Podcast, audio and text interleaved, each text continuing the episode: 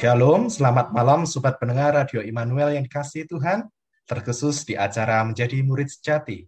Jumpa kembali dengan saya, Victor Stephen Dewangga, dalam acara Menjadi Murid Sejati. Suatu pelajaran firman Tuhan yang akan menolong kita untuk mengerti bagaimana menjadi seorang murid Kristus. Acara ini dipersembahkan oleh Perkanta Solo di Radio Immanuel 94,3 FM tiap Senin pukul 20 hingga 21 waktu Indonesia Barat. Hari ini kita akan belajar tentang tema mengenal Allah dalam rangkaian tema besar kita di bulan September, yaitu dasar-dasar iman Kristen. So, malam ini, Senin 5 September 2022, telah hadir bersama saya, narasumber kita, Bapak Sindu Hermawan, atau yang lebih akrab kita panggil Kak Sindu. Kak Sindu akan membahas tentang tema mengenal Allah. Baik, mari Kak. Oke, terima kasih Vektor. Uh, saya diberi kesempatan untuk berbagi ya. ya. Dengan topik mengenal Allah. Mengenal ya, Allah. Sebelum memulainya, saya juga coba, coba mencoba menyapa uh, para pendengar radio uh, Immanuel yang setia mengikuti acara uh, program ini ya. Eh, murid sejati dari Perkantas Solo. Uh, ini topik uh, yang mendasari atau mengawali topik besar tadi ya, dasar-dasar iman Kristen mengenal Allah. Saya mengatakan bahwa mengenal Allah itu bukanlah perkara yang mudah untuk dilakukan.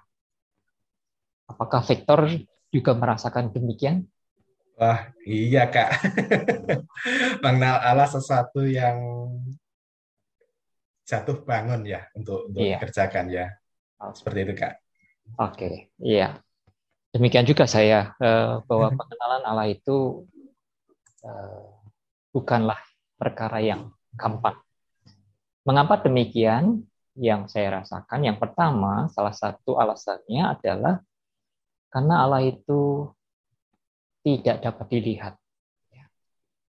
Allah tidak dapat dilihat dengan mata kepala kita sendiri.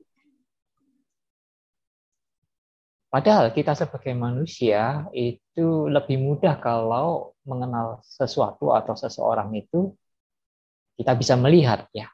Apakah itu benda, apakah itu pribadi. Kalau itu bisa dilihat, kita akan mudah untuk mengenalnya. Tetapi ini sesuatu yang atau e, pribadi yang tidak dapat dilihat. Itu menjadi satu kesulitan. Yang kedua, e, karena kita ini e, manusia, ciptaan Allah. Allah adalah pencipta kita. Itu artinya apa? Bahwa manusia itu hanya bisa mengenal Allah sebatas Allah itu menyatakan dirinya. Manusia tidak mungkin mengenal Allah, bisa mengenal Allah tanpa pernyataan dirinya. Pencipta dan yang diciptakan. Yang diciptakan hanya sanggup mengenal penciptanya itu sebatas penciptanya menyatakan dirinya. Tidak mungkin ciptaan ini bisa memahami sepenuhnya sang pencipta dia itu.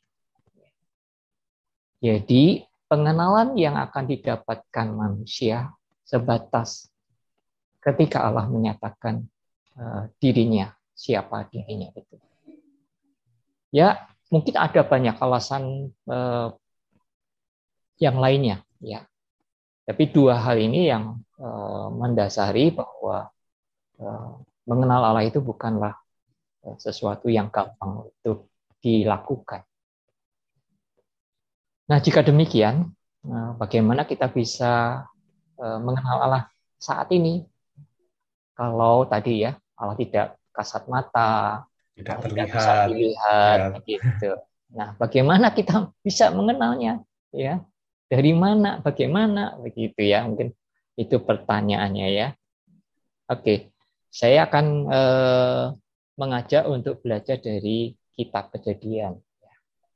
Kenapa dari kitab kejadian? Eh, kitab ini dinamakan kejadian ya. Kitab ini sangat penting bagi kita.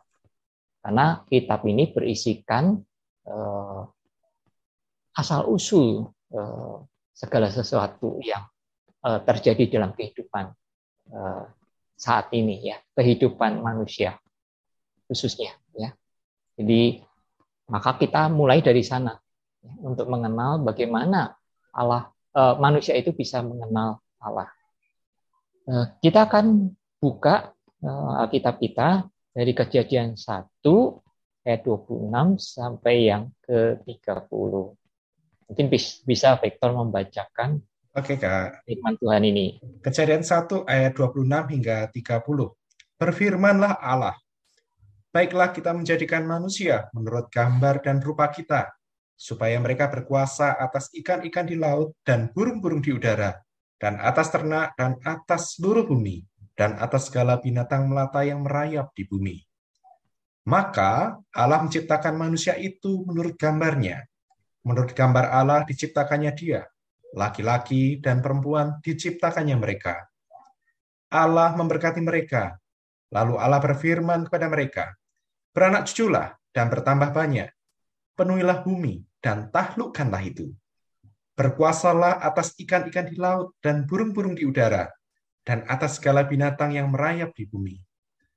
Berfirmanlah Allah, Lihatlah, aku memberikan kepadamu segala tumbuh-tumbuhan yang berbiji di seluruh bumi, dan segala pohon-pohonan yang buahnya berbiji.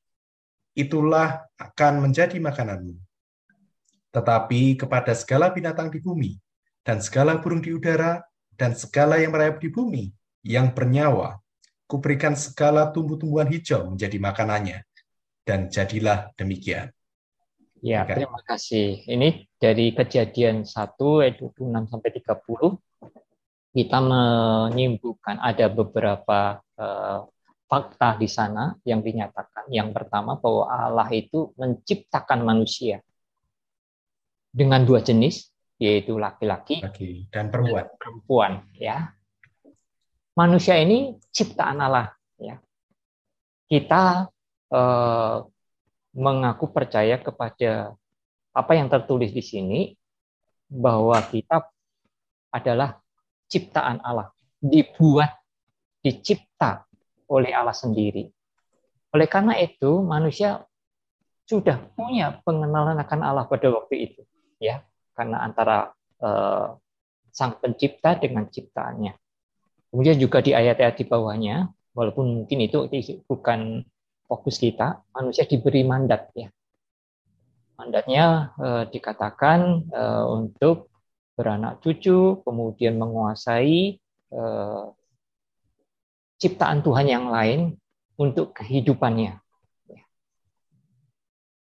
Kemudian kalau kita uh, melanjutkan, uh, akhirnya ditempatkan di Taman Eden.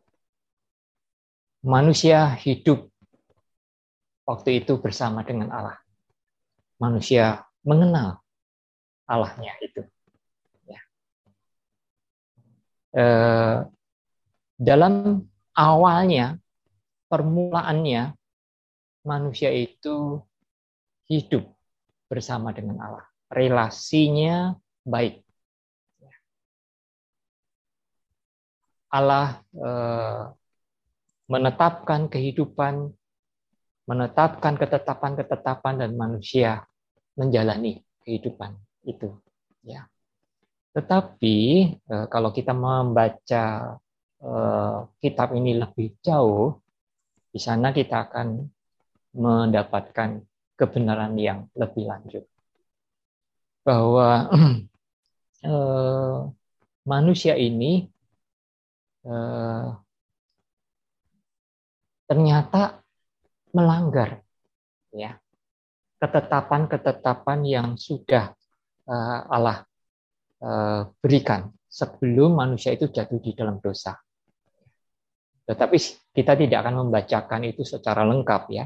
Yeah. Ya. para pendengar nanti bisa membacanya di pasal-pasal selanjutnya. Uh, sayang bahwa hubungan yang baik, relasi yang uh, dekat ini akhirnya uh, rusak ya, retak atau putus karena manusia melakukan pelanggaran, pemberontakan, ketidaktaatan kepada ketetapan-ketetapan yang Allah sudah berikan. Nah, ini kita bisa baca di dalam kejadian pasal 3 ayat 23 dan 24. Bisa Victor lanjutkan pembacaan. Baik, kejadian 3 ayat 23 hingga 24. Lalu Tuhan Allah mengusir dia dari Taman Eden supaya ia mengusahakan tanah dari mana ia diambil. Ia menghalau manusia itu dan di sebelah timur Taman Eden ditempatkannya lah beberapa kerub dengan pedang yang bernyala-nyala dan menyambar-nyambar untuk menjaga jalan ke pohon kehidupan. Iya, jadi dari ayat ini dikatakan relasi Allah yang semula indah, baik, ya, itu menjadi rusak karena manusia memberontak. Manusia tidak mau lagi tunduk kepada ketetapan-ketetapan yang Allah buat. Akibatnya, manusia itu diusir oleh Allah.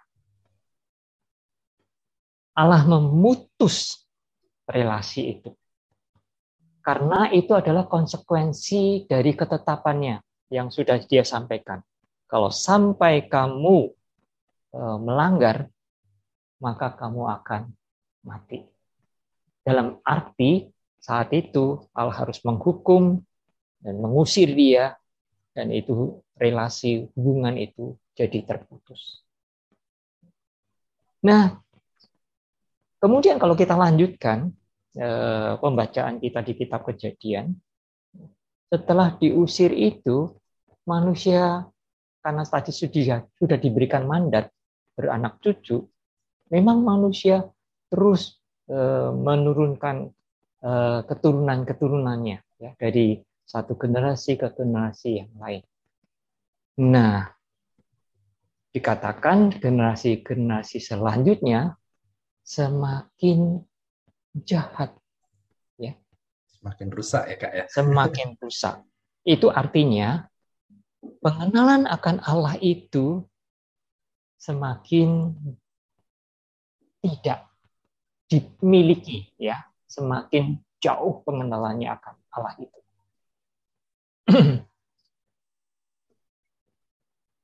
nah, ini bisa kita uh, baca, kita lanjutkan di dalam kejadian pasal 6, ayat 5 sampai yang ke-8.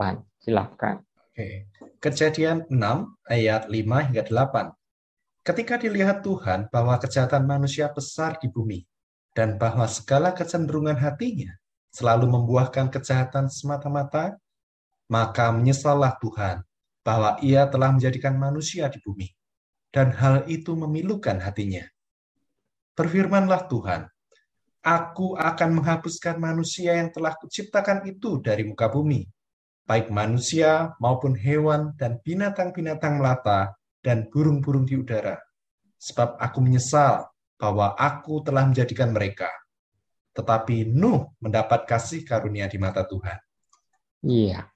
Jadi eh, kejadian pasal 6 ini kita melihat itu adalah konsekuensi daripada eh, pemberontakan manusia itu. Ya. Karena manusia sudah jatuh di dalam dosa, keturunan demi keturunannya itu sudah ada di dalam dosa, ya. Hmm, mereka eh, hidup dengan keinginannya sendiri, tidak lagi di dalam ketundukan kepada otoritas Allah maka dikatakan manusia itu semakin jahat. Dan e, tercatat di sini Allah menyesal ya e, menjadikan manusia karena tidak sesuai dengan apa yang dia harapkan. Konsekuensinya Allah harus menghukum mereka. Dan Allah e, mengatakan berkehendak untuk menghapuskan semua manusia saat itu Tetapi yang menariknya ada satu catatan di ayat yang ke-8. Tetapi Nuh mendapat kasih karunia di mata Tuhan. Jadi eh, yang lainnya itu akan dimusnahkan. Tetapi Allah masih memilih seseorang untuk mendapatkan kasih karunia. Ya, nah, itu Nuh di di apa? Eh, diperintahkan untuk membuat bahtera supaya dia tidak ikut musnah dengan manusia yang lainnya. Karena sekali lagi Allah uh, menetapkan Nuh untuk mendapatkan kasih karunia-Nya. Dan Nuh selamat ya dari penghukuman Allah itu dan nanti melalui Nuh akan muncul keturunan-keturunan berikutnya. Tetapi Iya, inilah konsekuensi karena Adam sudah jadi dalam dosa, keturunannya Nuh pun eh, tidak seperti apa yang Allah kehendaki. Mengenal ya. Allah pun jadi sulit ya kak. Betul. Pengenalan keturunannya itu akan Allah itu juga eh, tidak, mm, maksudnya semakin susah untuk memiliki pengenalan yang benar itu. Ya. Nah, kita lanjut kalau kita mau mau lanjutkan terus itu nanti ada no, kemudian eh, keturunan juga mengecewakan, akhirnya Allah memilih lagi Abraham, ya. Nah, Allah pilih Abraham dan Allah membuat perjanjian lagi dengan Abraham supaya dari keturunannya eh, akan menjadi berkat eh, bagi banyak bangsa. Dan itu akhirnya terus menerus dari keturunan itu kalau dikatakan ada benang merahnya di sana, ada Daud, dan itu akhirnya menuju kepada satu pribadi yaitu Yesus Yesus Kristus ya. Nah, di situlah nanti eh, akan menu, apa, menghasilkan keturunan yang akan mengenal Allah dengan baik ya, dengan benar diharapkan dari situ ya dari dari Yesus Kristus itulah nanti akan muncul eh, satu umat atau satu kumpulan orang yang akan mengenal memiliki pengenalan yang benar akan Allah itu sendiri. Ya. Nah coba saya simpulkan dari ayat-ayat yang di atas ya. Jadi apa? Kesimpulan kita tentang pengenalan akan Allah? Ya karena manusia sudah jatuh di dalam dosa, pemberontakan kepada Allah, maka kecenderungan hatinya selalu ingin hidup seperti maunya sendiri. Ya, generasi demi generasi semakin tidak memiliki pengenalan akan Allah. Allah tidak mendapat bagian dalam kehidupannya. Manusia berpusat pada dirinya sendiri.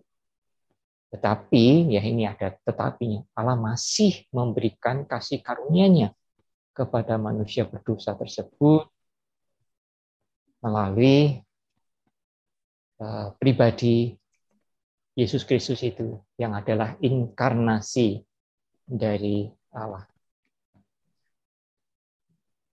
Jadi uh, memang manusia yang jatuh dalam dosa ini uh, tidak mudah mengenal Allah itu, ya, tidak tidak mudah untuk mengenal Allah yang benar itu karena sudah jatuh di dalam dosa. Jadi pengenalan akan Allah itu eh, sudah tidak dimiliki dengan eh, tepat ya karena sudah rusak. Gitu. Ya.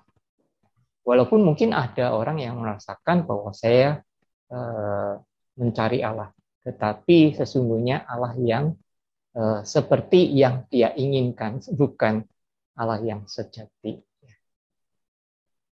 Begitu eh, kesimpulannya. Hmm. Nah, dari itulah eh, ada kasih karunia yang Allah masih berikan kepada manusia melalui Yesus Kristus ini.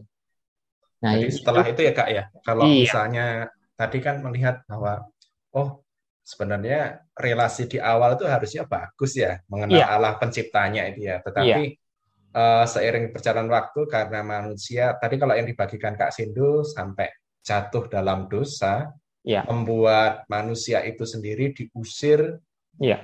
pengenalannya jadi jelek kan tentang Tuhan, ya. jadi oh wah jadi jadi tidak sempurna lagi pengenalannya ya. seperti itu. Lalu ya.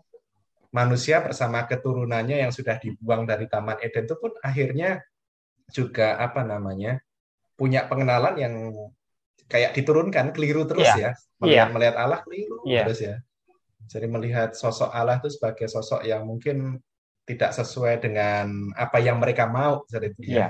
Iya. Gitu ya. Kira-kira begitu ya, Kak ya? Betul. Sampai Betul. dengan akhirnya sampai generasi Nuh tadi mm-hmm. Nuh mendapatkan apa namanya? kasih karunia Sekarang. tetapi keturunannya pun tetap masih mengenal Allah pun tetap ternyata sulit juga seperti ya. Betul. Tidak sesempurna Betul. ketika zaman betul. Adam masih di Taman Eden. Kira-kira ya. gitu ya, Kak ya? Betul, betul sekali.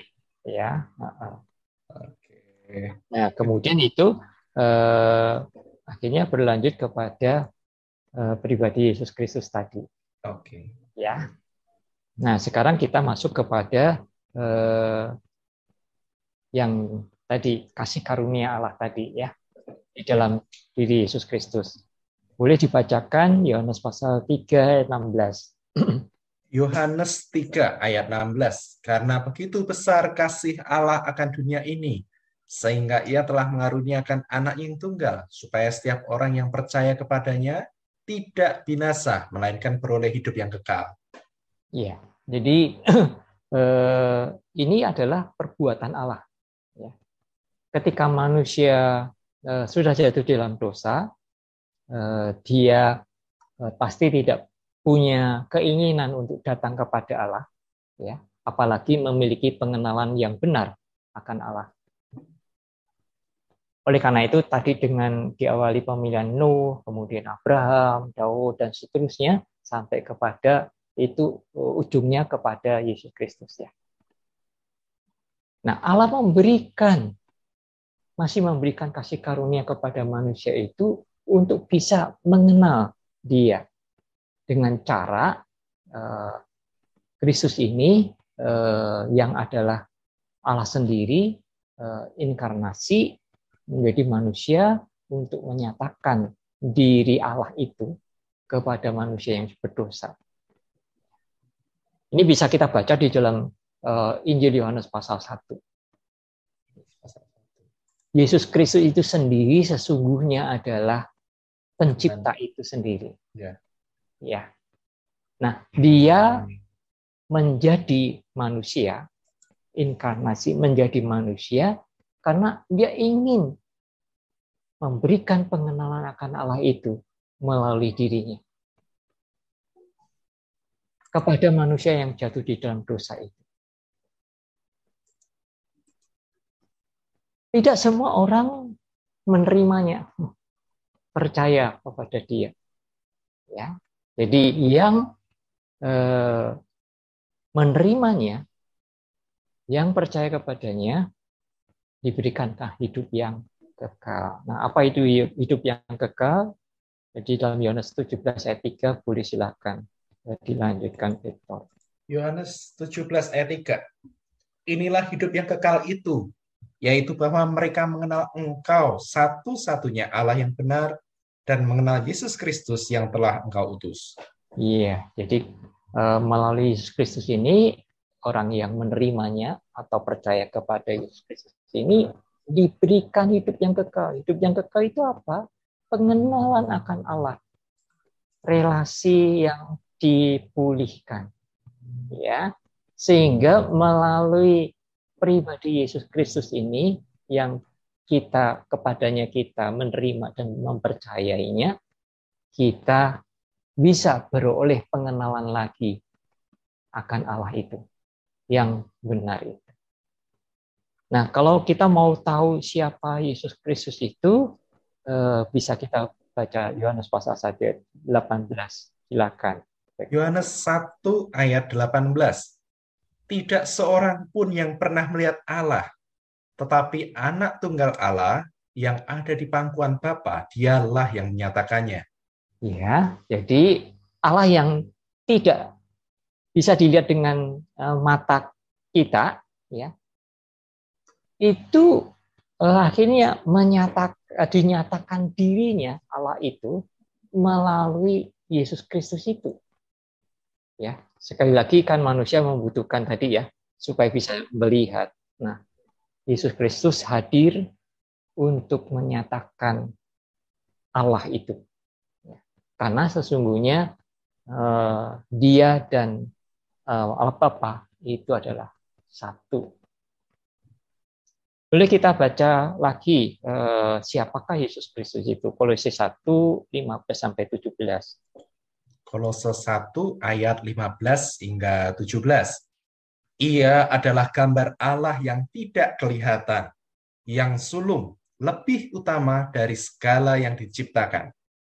Karena di dalam dialah telah diciptakan segala sesuatu yang ada di surga dan yang ada di bumi, yang kelihatan dan yang tidak kelihatan, baik singgasana maupun kerajaan, baik pemerintah maupun penguasa. Segala sesuatu diciptakan oleh Dia dan untuk Dia. Ia ada terlebih dahulu dari segala sesuatu, dan segala sesuatu ada di dalam Dia. Iya, jadi melalui ayat-ayat ini kita mengenal siapakah Yesus Kristus itu. Di dalam Yohanes tadi, pasal 1 ayat 18, Yesus Kristus itu ingin menyatakan siapakah Allah itu melalui dirinya. Ya. Dan di dalam Kolose 1 ini dikatakan ia adalah gambar Allah yang tidak kelihatan itu. Dia ada sebelum segala sesuatu ada dan di dalam dia diciptakanlah segala sesuatu. Dia adalah pencipta. Itu sesuai dengan Yohanes pasal 1. Ya. Dia adalah pencipta segala sesuatu.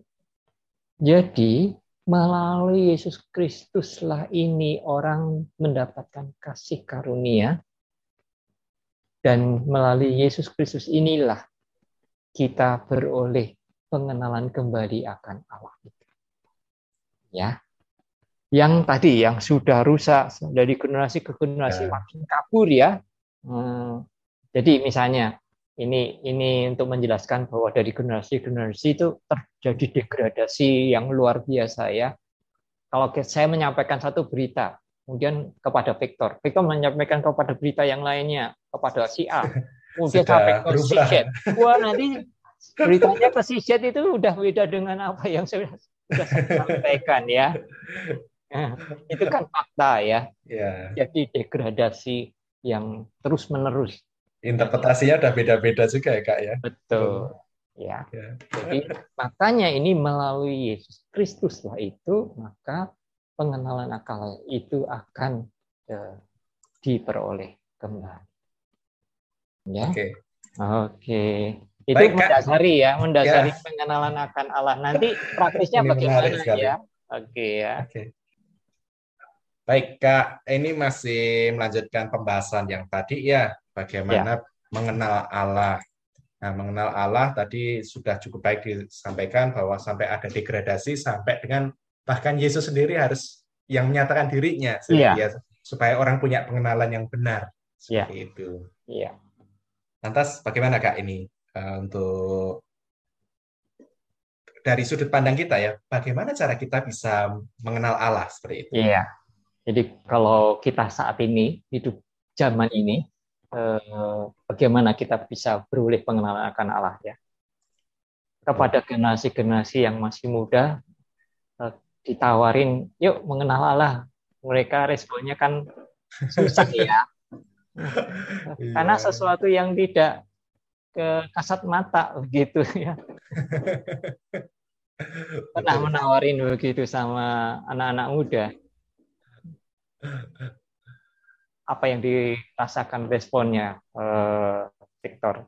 Ya kalau saya memandang itu wah ditawarin suruh mengenal Allah. Banyak ya banyak hal lain untuk mengenal yang lain itu lebih menarik kan. Berarti ya yang lain mengenal cewek, mengenal uh, okay. mengenal kesenangan-kesenangan ini masa mudaku loh. Kok uh. mengenal Allah itu gak nggak kelihatan gitu loh. Dan sesuatu yang menakutkan begitu. Iya. Nah, takutnya malah itu. Kalau saya tidak mengenal dia, Hmm. Nanti malah aku apes nanti ya. Kadang iya. malah itu ya ketakutan akan dihukum mungkin. Oh gitu ya. Jadi itu, satu ya. susah susah dilihat, yang kedua takutnya nanti malah hidupnya kena apes gitu. Ya. Iya, hidupnya kena apes atau mungkin malah bisa melihat oh saya mengenal Allah mengenal yang kelihatan aja itu lebih menarik ya. Jelas-jelas itu saya bisa menikmati gitu ya. Iya, betul sekali ya. ya. Jadi eh, bagaimana ya ini eh, kita sendiri dan juga menolong generasi berikutnya bisa mengenal Allah itu ya. Seperti tadi yang sudah kita belajar dari kitab Kejadian bahwa karena manusia sudah memberontak ke dan jatuh di dalam dosa, eh, pengenalan akan Allah itu semakin terdegradasi ya, semakin kabur, semakin hmm, istilahnya Allah itu sudah di luar kehidupan manusia itu, tersingkirkan ya. Eh, manusia sudah tidak mau peduli pada Allah, mengabaikan. Dia tidak mau Allah ada di dalam hidupnya. Dan itu dari generasi ke generasi makin terdegradasi yang luar biasa ya. Eh, degradasi yang sangat hebat. Nah, bagaimana eh, kita bisa beroleh kembali? Yang pertama ya, hmm, dikatakan tadi bahwa manusia bisa beroleh pengenalan akan Allah kalau sekali lagi Allah memberikan kasih karunia. Kalau tadi dimulai dari Nuh ya, ya. kemudian kemudian dilanjutkan generasi berikutnya Abraham, Daud, kemudian sampai kepada finalnya adalah Allah sendiri inkarnasi supaya melalui dia, melalui Yesus Kristus, manusia beroleh pengenalan akan Allah. Jadi eh, kita bisa mengenal Allah ketika kita mendapatkan kasih karunia Allah. Nah, bagaimana kita bisa mendapatkan kasih karunia Allah? Memang di sinilah uh, istilahnya kita uh, mungkin lebih pasif dan Allah yang lebih aktif ya. Allah yang memberikan kasih karunia. Nah, manusia secara praktisnya kapan ya saya bisa mendapatkan kasih karunia? Mungkin ketika kita ada momen untuk mendengarkan kabar baik itu atau e, berita tentang Yesus Kristus itu. Itu adalah kesempatan kasih karunia Allah diberikan, itu ya. ya. Adakah di dalam kehidupan saya pernah punya kesempatan mendengar kabar tentang Yesus Kristus ini. Paulus menulis di dalam suratnya di Korintus katakan, kalau saat ini kamu mendapatkan kasih karunia, jangan tegarkan hatimu. Ya, jangan keraskan hatimu.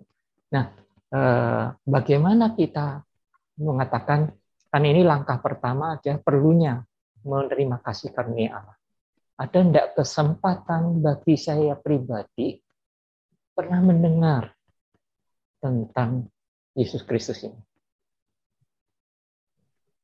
Dan ketika kesempatan itu ada, ketika saya mendengar, bagaimana respon saya?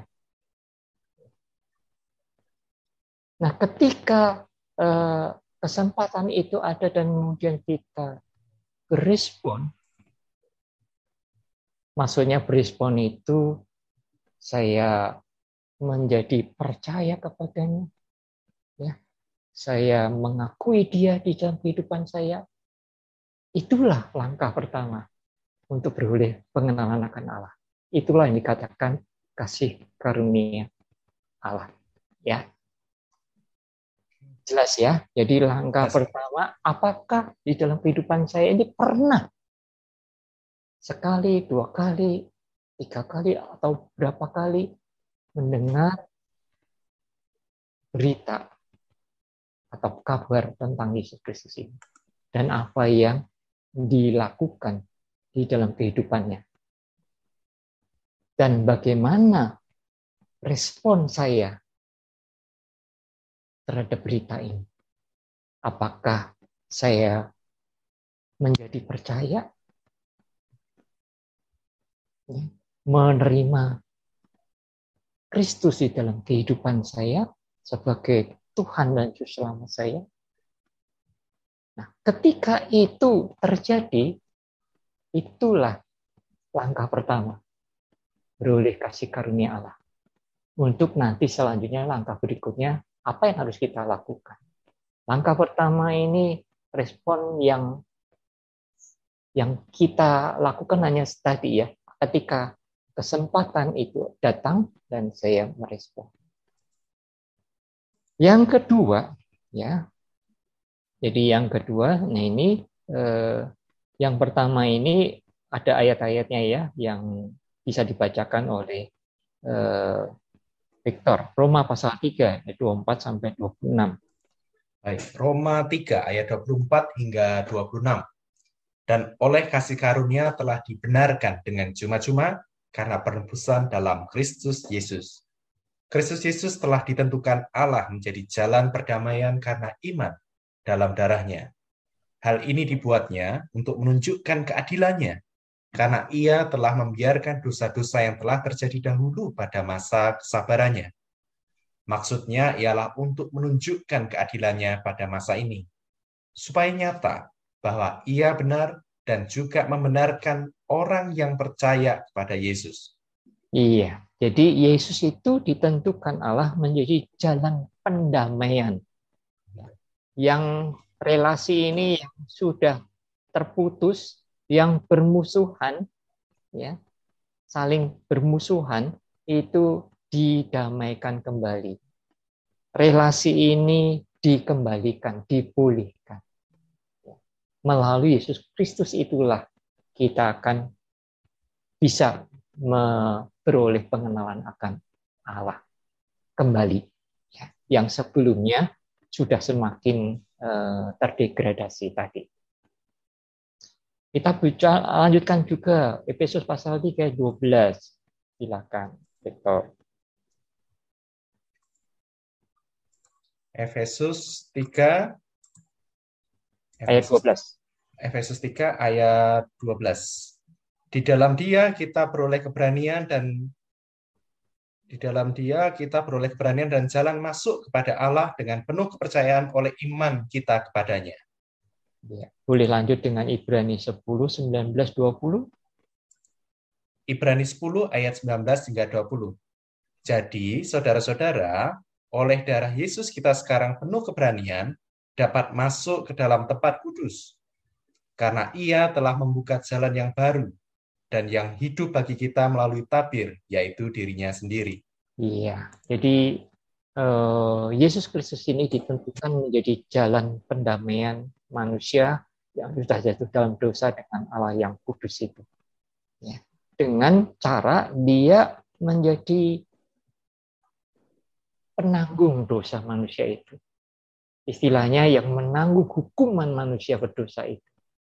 Sehingga e, melalui karyanya manusia yang jatuh di dalam dosa itu beroleh jalan masuk.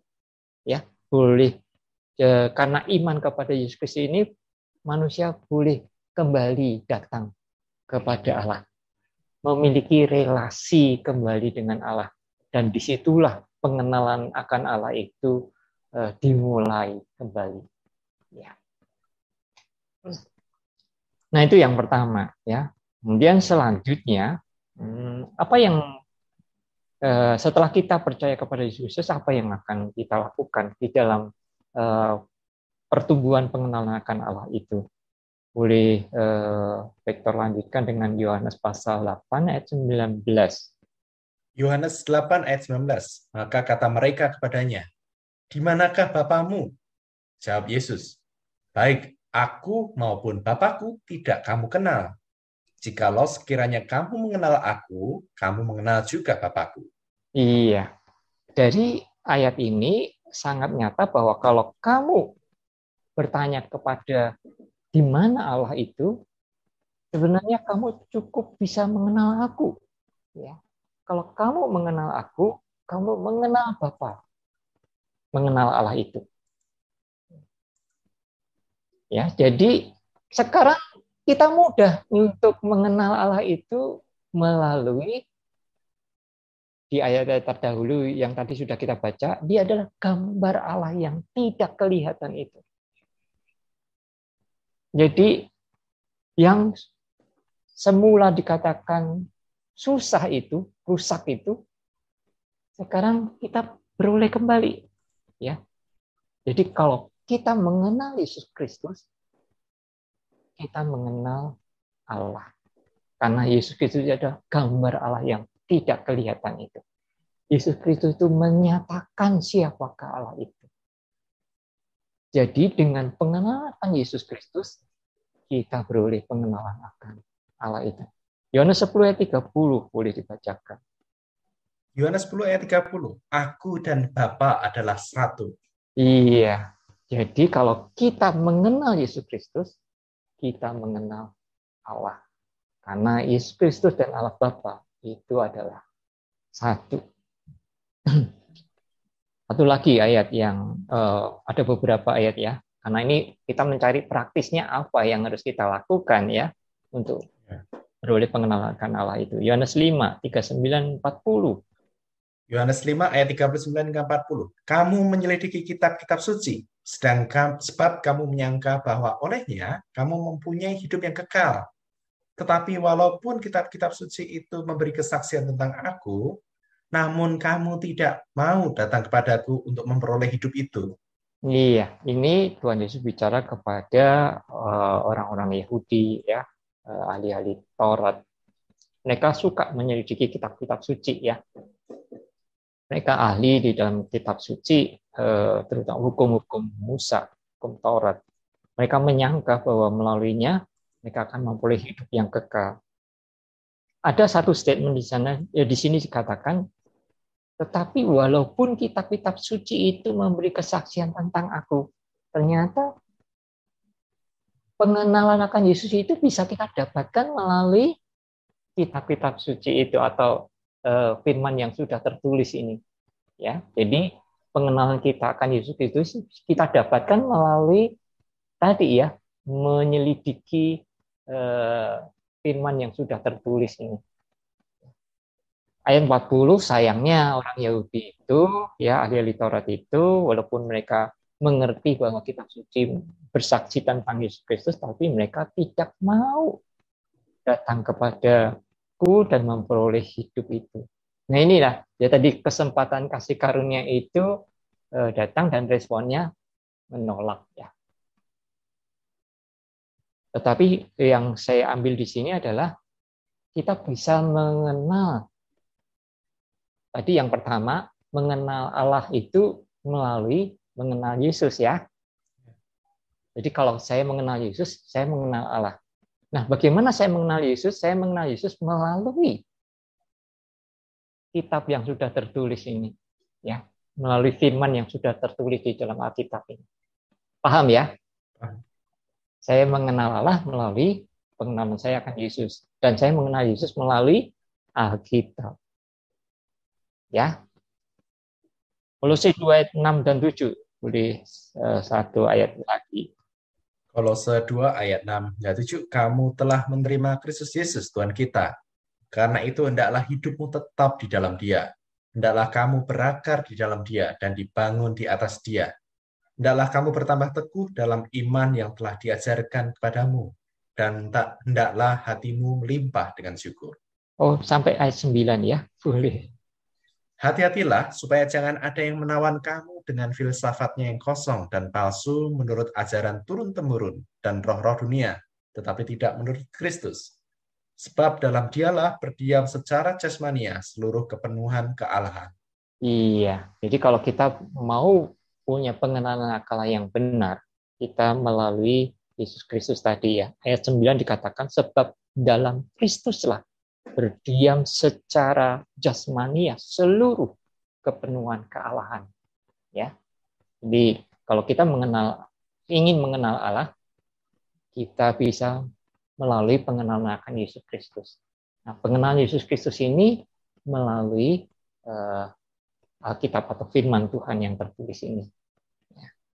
Dan satu dorongan yang Paulus berikan kepada jemaat di Kolose, kamu yang sudah percaya pada Yesus Kristus, hendaklah kamu tetap di dalam Dia, bertumbuh, berakar di dalam Kristus, ya. Dan dikatakan hati-hati, ya, ada banyak sekali ajaran-ajarannya nanti, ya. Tetapi semuanya tidak berdasarkan kepada Kristus itu tadi. Ya. Nah, praktisnya apa dari ayat-ayat tadi ya?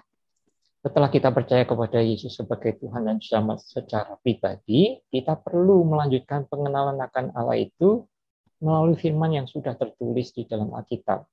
Jadi, apa yang harus kita lakukan? Kita perlu untuk membaca Alkitab, kita perlu untuk memahami ya, mengerti, merenungkan dan melakukan ketaatan-ketaatan.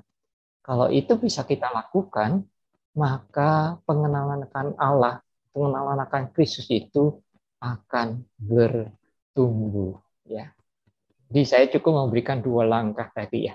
Ketika kasih karunia itu kita terima ya, kita beroleh eh, jalan masuk untuk pengenalan akan Allah itu.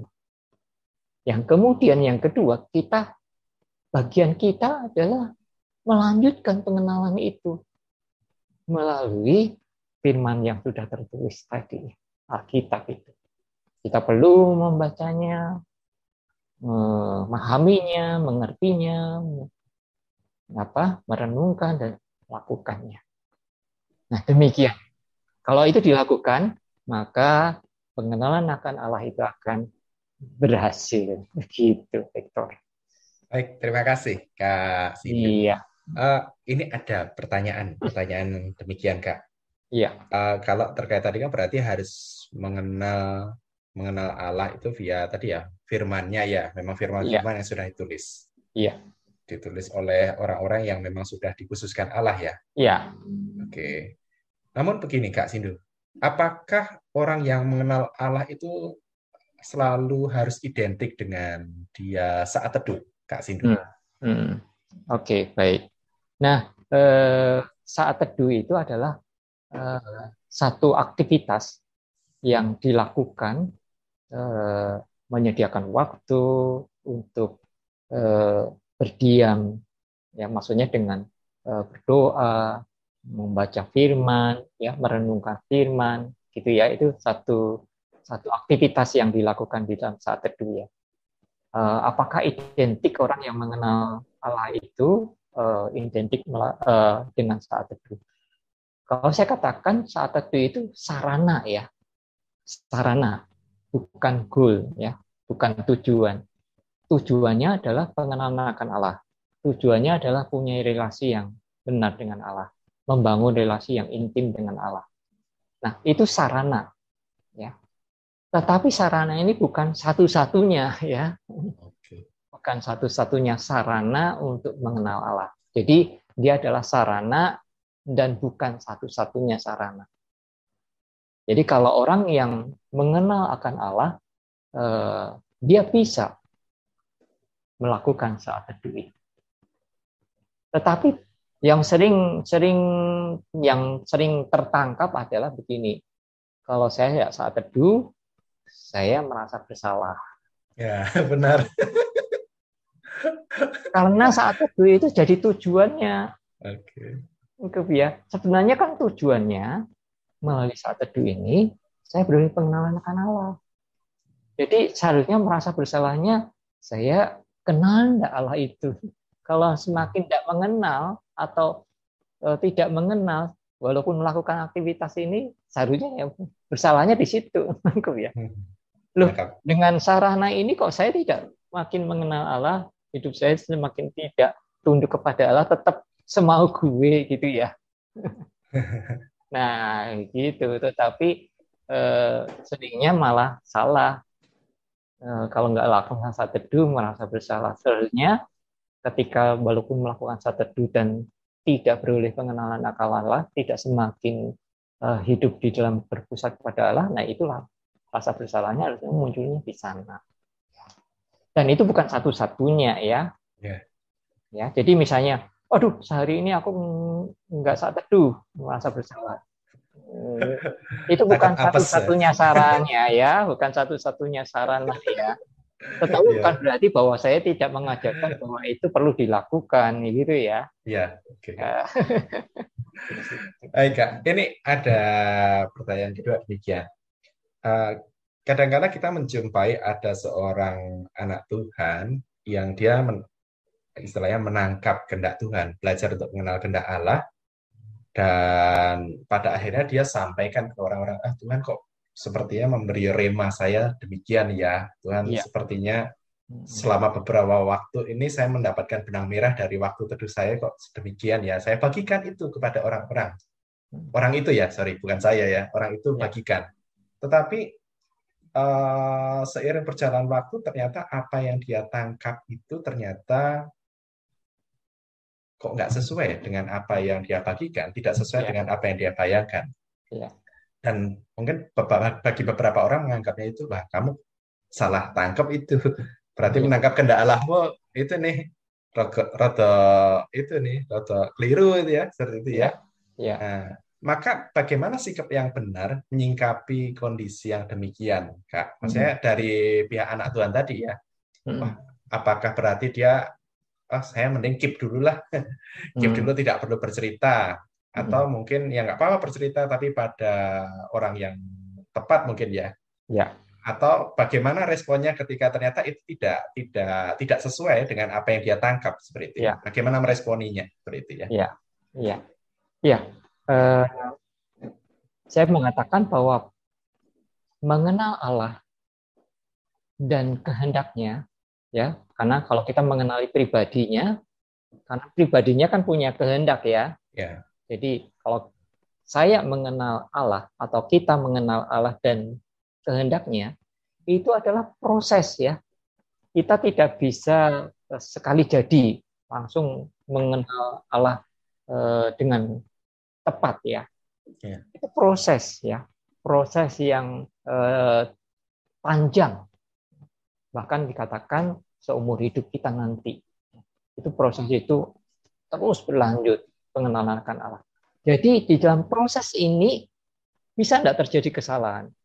Sangat mungkin ya kak ya. Sangat mungkin. Sangat mungkin. Ya jadi kalau kita punya gambaran yang bahwa pengenalan akan Allah ini proses, kalau salah pun yang nggak usah merasa uh, apa ya malu ya. menghakimi diri sendiri ya. gitu kan. Ini kan ini memang proses ya. Nah kalau tadi dikatakan uh, Victor mengatakan apakah perlu diceritakan hmm, kembali ceritakanlah kepada orang-orang yang tepat. Orang-orang yang tepat itu apa? Misalnya kalau dia punya pembimbing rohani atau pemimpin rohani boleh ya kepada uh, sahabat eh, karibnya, maksudnya eh, teman seimannya yang mungkin dekat boleh ya, tetapi jangan kepada setiap orang begitu ya, nggak ya. perlu nggak perlu kepada setiap orang. Karena sekali lagi eh, harus punya pikiran bahwa ini sedang proses saya bisa benar saya bisa salah begitu ya. ya. Nah, kenapa saya perlu cerita? Nah, cerita kepada orang yang tepat itu bisa menjadi salah satu sarana mengkonfirmasi atau menyatakan itu salah gitu ya. Begitu. Nah, akhirnya dari situ proses bertumbuh itu jadi berkembang ya. Hmm, mengalami apa? pertumbuhan pengenalan akan Allah dan kehendaknya itu. Gitu ya jadi tak perlu merasa uh, hidupnya rusak atau kurang apa ya karena itu proses ya wajar terus misalnya saya Vektor mengenal saya kan juga proses ya yeah. bisa kadang benar bisa kadang salah ya yeah. kan berdasarkan apa yang didengar apa yang terlihat begitu ya betul kan itu oke okay. uh, eh, baik sobat pendengar uh, sebelum berpisah kita akan mendengar kembali apa kesimpulan pelajaran kita pada malam hari ini. Sekaligus nanti saya minta tolong ya Kak Sindu untuk menutup dalam doa. Mari ya. Kak Sindu saya persilakan. Oke, terima kasih. Mengenal Allah uh, di dalam kehidupan kita saat ini itu sesuatu yang sangat abstrak ya. Karena Allah tidak bisa dilihat dengan kasat mata, uh, dikatakan itu sesuatu yang sulit. Kenapa bisa berdi, e, seperti itu? Karena manusia sudah jatuh di dalam dosa. Ya. Nah, bagaimana manusia bisa beroleh kembali pengenalan akan Allah ketika Allah memberikan kasih karunia-Nya melalui Kristus dan ketika kita menerimanya, kita bisa memulai proses pengenalan akan Allah itu dengan cara e, mengenali Yesus Kristus melalui Alkitab yang sudah tertulis ini. Demikian, itu kesimpulan. Demikian Sobat Pendengar, siaran menjadi murid sejati hari ini. Jangan lupa terus mendengarkan siaran Radio Immanuel menjadi murid sejati di 94,3 FM tiap Senin pukul 20 hingga 21 waktu Indonesia Barat. Kita jumpa lagi minggu depan, tetap di hari dan gelombang yang sama. Selamat malam, Tuhan Yesus memberkati.